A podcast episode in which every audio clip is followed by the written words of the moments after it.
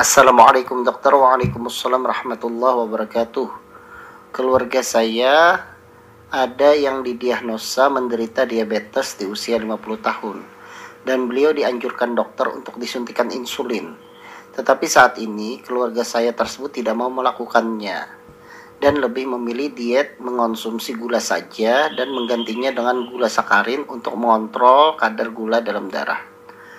Kata keluarga saya, khawatirnya nanti kalau sudah mulai menggunakan insulin akan terus memakainya seumur hidup Benarkah anggapan tersebut dok? Bolehkah penggunaan insulin dihentikan sewaktu-waktu? Apakah ada dampak bila dihentikan? Kapan penggunaan insulin harus diberikan kepada penderita diabetes? Mohon penjelasannya dok, terima kasih dari Ilyas. Baik Bapak Ilyas, terima kasih atas pertanyaannya. Jadi ini terkait te tentang penggunaan insulin pada penderita diabetes.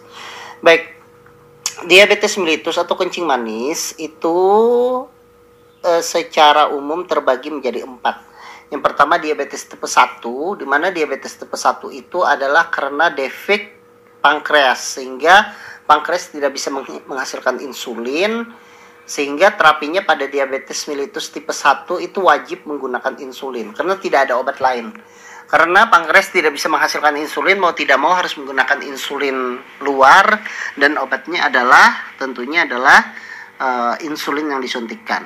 Kemudian yang kedua adalah diabetes tipe 2 atau DM tipe 2 nanti akan kita bicarakan lebih lanjut. Kemudian yang ketiga adalah diabetes pada kehamilan di mana memang juga anjurannya pada kehamilan itu adalah penggunaan insulin karena faktor keamanan. Jadi kalau obat-obat kapsul atau tablet itu biasanya kurang aman pada kehamilan bahkan mempengaruhi janin. Nah, kalau menggunakan insulin justru terbukti dia aman untuk kehamilan tersebut. Dan yang keempat adalah diabetes tipe lain. Baik, kita banyak berbicara diabetes tipe 2. Diabetes tipe 2 itu terjadi karena adanya resistensi insulin. Resistensi insulin itu jadinya insulin dihasilkan oleh tubuh tetapi sel itu tidak bisa memaksimalkan insulin yang ada. Sehingga karena sel tidak bisa memaksimalkan insulin yang ada, akhirnya gula darah tidak bisa masuk ke dalam sel sehingga yang terjadi adalah gula darah itu menjadi tinggi. Nah, Diabetes tipe 2 ini penyebabnya apa? Paling sering itu penyebabnya adalah karena kegemukan. Karena kegemukan itu menyebabkan resistensi insulinnya meningkat, akhirnya gula darah menjadi meningkat. Baik, kenapa resistensi insulin itu bisa terjadi? Resistensi insulin itu terjadi karena banyaknya faktor-faktor. Salah satunya karena kegemukan tadi menyebabkan faktor yang menerima insulin, reseptor insulin itu menjadi tidak sensitif. Sehingga gula darah menjadi meningkat. Selain itu, setelah resistensi insulin, karena uh, pada saat terjadinya resistensi insulin, maka pankreas di dalam tubuh itu berusaha lebih banyak lagi menghasilkan insulin supaya gula darah itu bisa digunakan. Nah, karena pankreas itu bekerja terlalu berat, akhirnya suatu saat pankreas itu menjadi gagal, failure.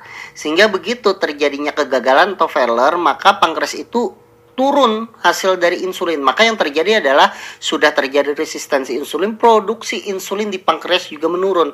Akhirnya yang terjadi gula darahnya semakin tidak terkontrol dan ini berbahaya. Nah, kembali kepada penggunaan insulin. Kalau uh, dikatakan bahwa insulin itu akan dipakai seumur hidup, memang sebenarnya sejak lahir kita menggunakan insulin. Ya, jadi jangan alergi dengan insulin karena sejak lahir, sejak kita bernafas pertama kali dilahirkan dan bernafas itu tubuh sudah menggunakan insulin sampai nanti kita meninggal. Ya, tapi permasalahannya adalah insulin yang dihasilkan itu adalah insulin yang ada di dalam tubuh. Nah, tadi berbicara ke penyakit tadi. Begitu orang seseorang itu terjadinya resistensi insulin dan kegagalan pankreas menghasilkan insulin, maka insulin di dalam tubuh itu menjadi tidak tidak terlalu optimal sehingga perlu dibantu dengan insulin yang ada di luar. Jadi kalau seandainya logikanya adalah akan terus memakainya subur hidup, ya kita sebenarnya sejak awal itu juga memang harusnya menggunakan insulin. Cuma insulin yang dihasilkan oleh tubuh masih cukup sehingga kita tidak memerlukan insulin yang ada di luar. Begitu dokter mengatakan bahwa pasien ini menggunakan insulin berarti pertimbangan dokter bahwa insulin yang ada di dalam tubuh itu tidak cukup sehingga perlu ada bantuan dari luar. Justru dengan adanya bantuan dari luar ketika disuntikan maka pankreas itu bebannya menjadi berkurang sehingga memberikan kesempatan pankreas untuk recovery atau untuk memperbaiki diri lagi, memperbaiki sel-sel yang rusak sehingga pankreas itu nantinya akan lebih baik dalam menghasilkan insulin dan ini justru akan lebih baik. Ada beberapa studi dari jurnal yang saya baca pada kasus-kasus prediabetes di negara-negara barat. Jadi prediabetes itu belum diabetes lagi, kemudian dilakukan percobaan dengan orang yang prediabetes, artinya gula mulai naik tapi belum masuk sebagai diabetes, langsung diberikan insulin basal pada saat itu. Ternyata hasilnya itu orang yang prediabetes itu begitu diberikan insulin dalam beberapa bulan kemudian dia bisa balik lagi menjadi normal. Nah, ini adalah suatu hal yang sangat mengejutkan karena kita ketahui bersama bahwa beberapa ahli mengatakan bagi orang yang sudah menderita diabetes mellitus, dia tidak akan mungkin bisa sembuh lagi, tetapi bisa dikontrol dengan obat-obatan. Nah, ternyata untuk yang prediabetes begitu langsung diberikan insulin, maka dia bisa balik lagi ke keadaan normal. Ini sebenarnya masuk logika karena begitu seseorang itu prediabetes berarti pankreas itu sudah menunjukkan kelelahannya. Jadi pankreas itu sudah menunjukkan bahwa dia itu mulai gagal menghasilkan op insulin dengan optimal. Begitu hal itu terjadi, begitu berikan insulin sejak dini, maka pankreas itu bebannya menjadi berkurang dan diberikan kesempatan untuk memperbaiki sel-sel yang rusak di pankreas tersebut. Sehingga akhirnya pankreas menjadi bagus lagi, maka orang tersebut kembali lagi dalam keadaan normal. Tentunya diperhatikan lagi bagaimana berat badan, olahraga, dan sebagainya. Jadi, yang pertama prinsipnya adalah jangan khawatir atau jangan alergi dengan yang namanya insulin, ya. Nah, tadi dikatakan, apa begitu kita menggunakan insulin akan terus memakainya seumur hidup. Benarkah anggapan tersebut? Ya, tentunya saya jawab ini 100% belum tentu benar karena banyak pasien-pasien saya yang sebelumnya memakai insulin sudah tidak lagi. Banyak juga pasien yang dirawat inap menggunakan insulin begitu rawat jalan dia tidak menggunakan insulin lagi. Ada juga banyak juga pasien yang mm, dari dulu menggunakan insulin sampai sekarang juga menggunakan insulin. Jadi itu individual tergantung klinisnya seseorang. Tetapi kalau seandainya anggapan bahwa begitu menggunakan insulin maka dia seumur hidup menggunakan insulin ya tentunya itu adalah hal yang tidak tepat dan seperti menakut-nakuti pasien. Sehingga yang terjadi adalah kita yang mengatakan hal tersebut, akhirnya pasien tidak berani menggunakan dan pasiennya itu terjadi komplikasi, maka sebenarnya kita itu turut andil dalam apa? Dalam hal memperburuk keadaan pasien.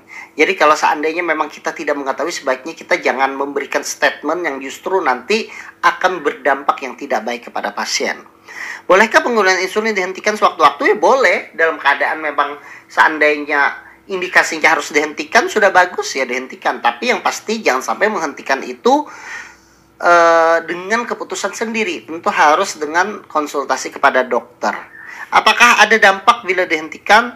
Ya dalam keadaan yang belum stabil dihentikan insulin, ya gula darahnya akan naik lagi, ya berdampak lagi terhadap komplikasi-komplikasi akibat gula darah yang tinggi.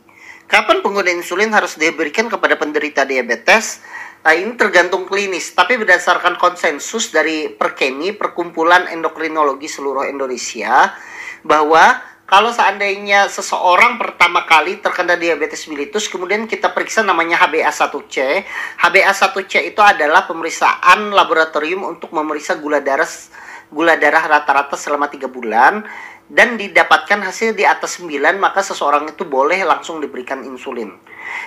Kalau seandainya HbA1c tidak sampai 9, maka dia diberikan obat oral dulu. Dievaluasi. Dalam 2 atau 3 bulan ternyata dia tidak membaik, maka boleh indikasi juga menggunakan insulin. Atau misalnya pada penderita gula darah dengan berat badan yang turun drastis, dengan infeksi yang berat, atau dengan TB paru, itu juga bisa langsung digunakan insulin penggunaannya tersebut. Tapi pada kasus yang ringan ya tentunya kita bertahap tidak langsung insulin. Itu saja mungkin yang bisa saya jelaskan. Semoga itu bermanfaat. Intinya yang mau saya, saya sampaikan di sini jangan alergi dengan kata-kata insulin. Karena kadang kalau kita sudah tidak suka duluan tetapi tidak tahu sebenarnya itu bermanfaat maka yang terjadi adalah hal yang merugikan bagi diri kita dan bagi orang lain yang sebenarnya dia menggunakan insulin tapi karena kita mengatakan Eh, hal-hal yang tidak-tidak akhirnya malah menimbulkan keburukan pada orang tersebut. Itu saja yang bisa saya jawab. Semoga ini bermanfaat dan semoga kita semua yang mendengar mendengarkan ini diberikan kesehatan oleh Allah Subhanahu wa taala.